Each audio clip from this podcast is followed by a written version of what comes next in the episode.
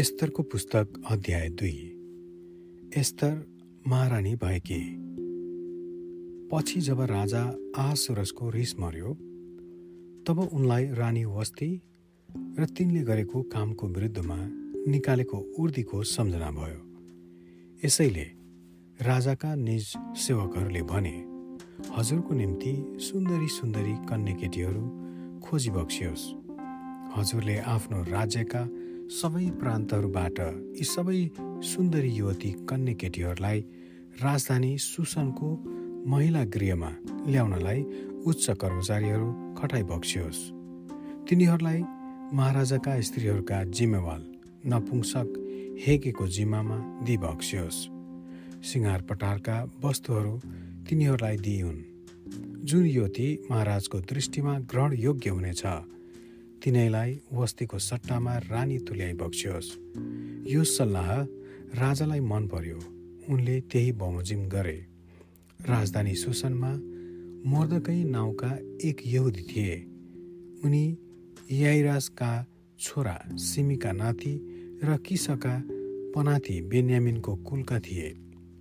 जुन किस चाहिँ बेबिलोनका राजा नबुकत एरुसलेमबाट यहुदाका राजा यहोयाकिनसँग कैदमा लगेकाहरूमध्ये एक थिए। मुर्दकैले आफ्ना काकीकी छोरी हदसा अर्थात् एस्तरलाई धर्मपुत्री बनाएका थिए। एस्तरका मातापिता थिएनन्। तिनी राम्री र सुन्दरी थिइन्।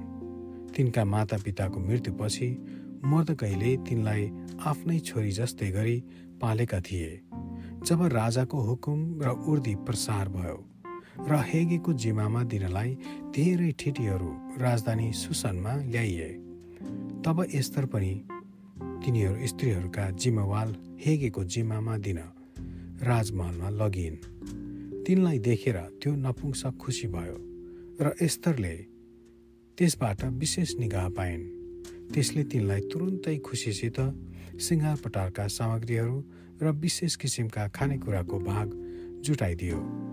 राजाको महलबाट सातजना चुनिएका सहेलीहरूलाई पनि त्यसले खटाइदियो। स्त्रीहरू बस्ने घरमा तिनलाई र तिनका सहेलीहरूलाई विशेष सुविधा पनि दियो। एस्तरले आफ्नो घराना र जातिको विषयमा कसैलाई बताएकी थिएनन् किनभने त्यसो गर्न मर्दकैले तिनलाई मनाही गरेका थिए।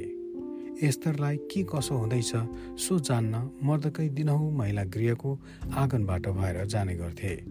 छ महिना मुर्रको तेल दलेर र छ महिना अत्तर र सिङ्गारका वस्तुहरूले सिँगारी दिएर स्त्रीहरूलाई तयारी हुने तोकिएको पुरा समय बाह्र महिना थियो। समय पुरा भएपछि आहासुरस राजा कहाँ जाने हरेक युवतीको पालो आउँथ्यो। कुनै युवती घरबाट राजाको महलमा जाँदा त्यसले मागेको जेसुकै थोक त्यसलाई लान दिन्थ्यो। बेलुका त्यो महलभित्र जान्थे र बिहान उपपत्नीहरूको जिम्मेवाल राजाको नपुंसक साहजको अधीनमा रहन महिला गृहको अर्को भागमा फर्केर जान्थे। राजाले आफ्नो इच्छा प्रकट गरेर त्यसको नाउँ काटिकन नबोलाउन्जेल त्यो फेरि राजा कहाँ जान पाउँदिनथे।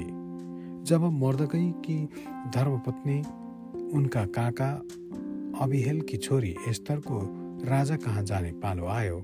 तब तिनले स्त्रीहरूको जिम्मेवाल राजाको नपुंसक हेगेले सल्लाह दिएका कुरा बाहेक अरू केही लगिनन्।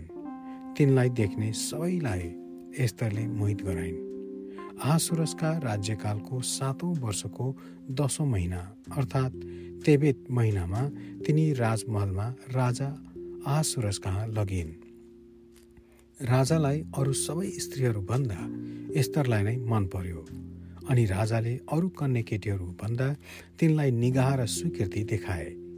उनले तिनको शिरमा राजकीय सिरपेच लगाइदिए र वस्तीको सट्टामा तिनलाई आफ्नी रानी तुल्याए। त्यसपछि राजाले आफ्ना सबै भारदार र अधिकारीहरूलाई एस्तरको सम्मानमा एउटा ठुलो भोज दिए। तिनले प्रान्त प्रान्त्यहरूमा बिदाको घोषणा गरेर राजाले दिनुपर्ने योग्यका उपहारहरू दिए। मर्दकैले षड्यन्त्र भेटाएका। दोस्रो पल्ट कन्या केटीहरू भेला गर्दा मर्दकै राजाका दरबारको मूल ढोकामा उपस्थित थिए। मोर्दकैको अनुसार एस्तरले आफ्नो घराना र वंशको कुरा गुप्तमा राखेकी थिइन्। मोर्दकैको अधीनमा हुँदा उनले तिनलाई आदेश दिए चाहिँ तिनले गरिन्।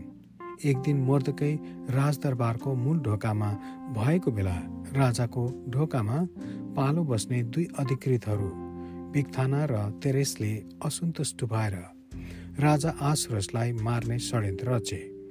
यो कुरा मर्दकैले थाहा पाएर रानी एस्तरलाई भनिदिए। रानीले मर्दकैको नाउँ लिएर राजालाई सो कुरो बताइदिइन्। यस कुराको जाँचबुझ भएपछि पक्का सबुत भयो र राजाले ती दुई मानिसहरूलाई फाँसीको सजाय दिएर काठमा झुन्नाइदिए यी सबै कुरा राजाको सामुन्ने इतिहासमा लेखिए। आमेन।